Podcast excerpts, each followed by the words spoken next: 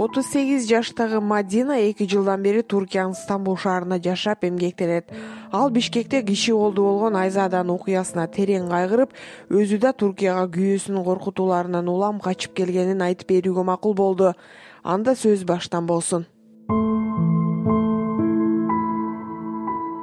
Өзүм айылда чоңойгом высший образованием жок училищени бүткөм училищени бүтүп анан айылга келгенде ала качып кетишти. Такыр көрбөгөн билбеген эле балага турмушка чыктым. Анан ал да бир үйдүн жалгыз баласы экен эми кудайга шүгүр жакшы эле жашадык бирок иштеген иши жок образованиясы жок. Анан бир кыз бир балалуу болдук. Э, айылда ошо үч жыл жашадык. Үч жыл жашап эле анан шаарга көчүп келдик эл катары. Сомдун алдында бир базар бар эле. Ошол жерге келдик анан күйөөм сооданы баштады. Ал кезде менин балам алты айлык кези баягы эми эмчектеги кези болчу да мен үйдөн чыга алган жокмун жолдошум өзү иштеди. Соодабыз кудайга шүгүр болуп баягы жеген ичкенибиз баскан турганыбызга кудайга шүгүр жарап баратты да жарап жакшы эле иштеп бараттык. Баягы күйөөм деген эми колуна акча тийгени баягы көөп кетти дейин көөп кетти десем ашыкчу болбосун ошентип анан акча тийген сайын кеч келе баштады кээде келбей калыптатты иши кылып акча көптүрдү кыскасы. Анан кайра дагы уруша кетип анан үч талак эмес сага жүз талак деди анан мен деле кичине арданат кезиң анан кой дедим ой мындай жашоо болбойт экен кайра кайра эле талак берсе эле мен деле эми жармашып жашай бермек белем деп анан ажыраштык э, анан москвага кеттим. Айылда иш болбой калып москвага кеттим эне атам атыштап коюп балдарды. Бир кыз бир уулум бар.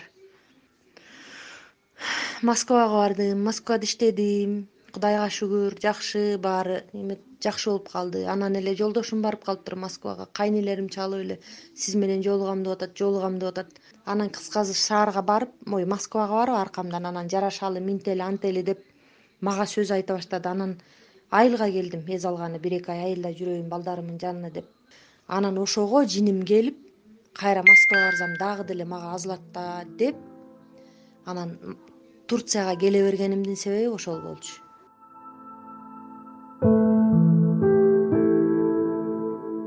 Кыргызстандан качкан мадина туркиянын стамбул шаарына келип конот. Мигранттын жашоосун орусиядан жакшы билген келин туркияда да белин бекем бууп ишке киришет. Бирок кыргызстандан кордолгон аз келгенсип мадинага иштеген үйдүн кожоюну кол көтөргөн киши чуркап эле кухнядан биринчи сени өлтүрөм деп атпайбы меничи кухнядан барып эле анан баарыбыз кухняда отурабыз кухнясы чоң да. Кухняга барып эле анан тиги эмеден сурмасынан эмени алды бычакты алып эле мени көздөй кайрылганда бир кудай сактады да мени көздөй кайрылганда эле тиги түрк катыны колунан кармап калды. Кармап калып эле көл кач деди мени көл кач дегенде эле ар жактан эжеси келип калды кудай жалгап эжеси келип эле анан. Ал экинчи колунан кармап эле бетке бетке чаап калды. Кач күл деди. Турган турпатым менен эле ошо документим салынган э, бир тике акчам салынган сумкамды алып эле чуркадым. Чуркадым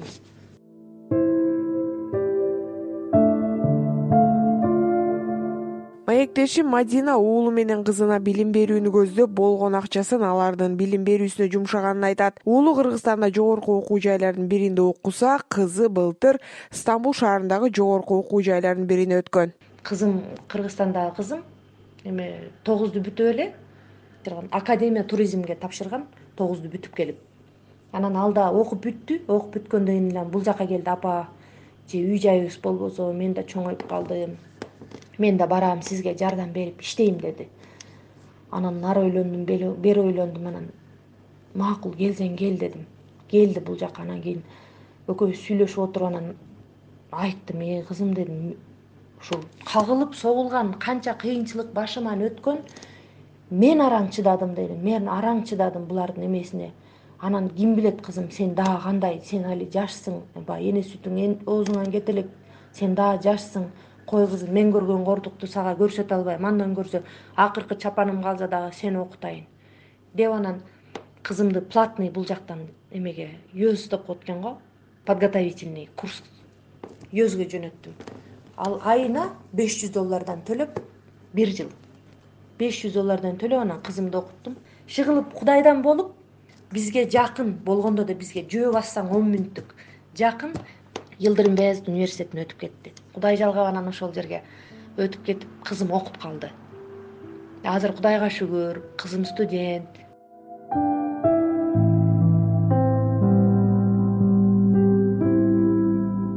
мадинанын кызы менен жашташ бишкекте киши олду болгон айзада канатбекованын өлүмү ага оор тагдырды дагы бир жолу эскерткендей.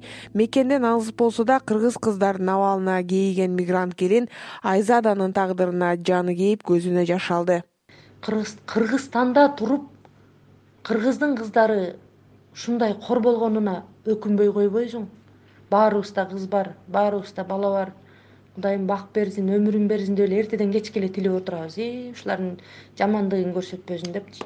Баарыбызда бар. А кыргызстанда туруп кордолуп өлтүрүлүп аткандарга аябай ичиң ачышат ачышпай койбойт. А бул жактагыларды эми айтпай эле коелу кыргыздын кыздары аябай эле кордолуп атат аябай эле кордолуп атат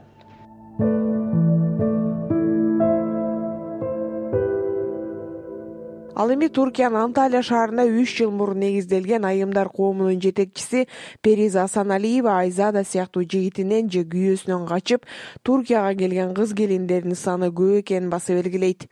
Ушул айзада сиңдибиздин өлүмүн угуп алып чет жакта жүргөн баардык мигрант айымдар кабыргабыз кайышып отурат.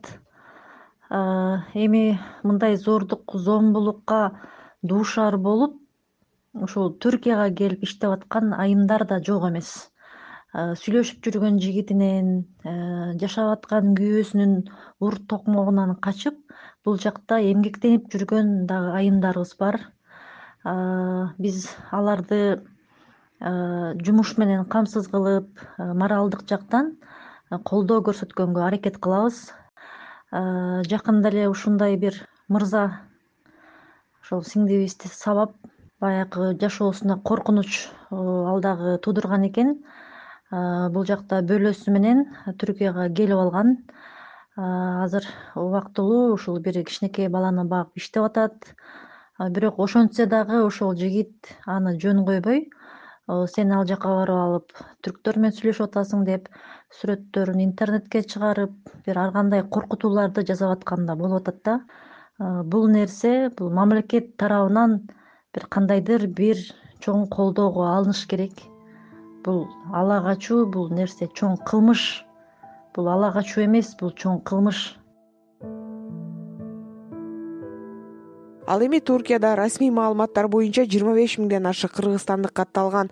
Алардын дээрлик көпчүлүгү мигрант кыз келиндер. Эльвира будайчиева азаттык стамбул шаары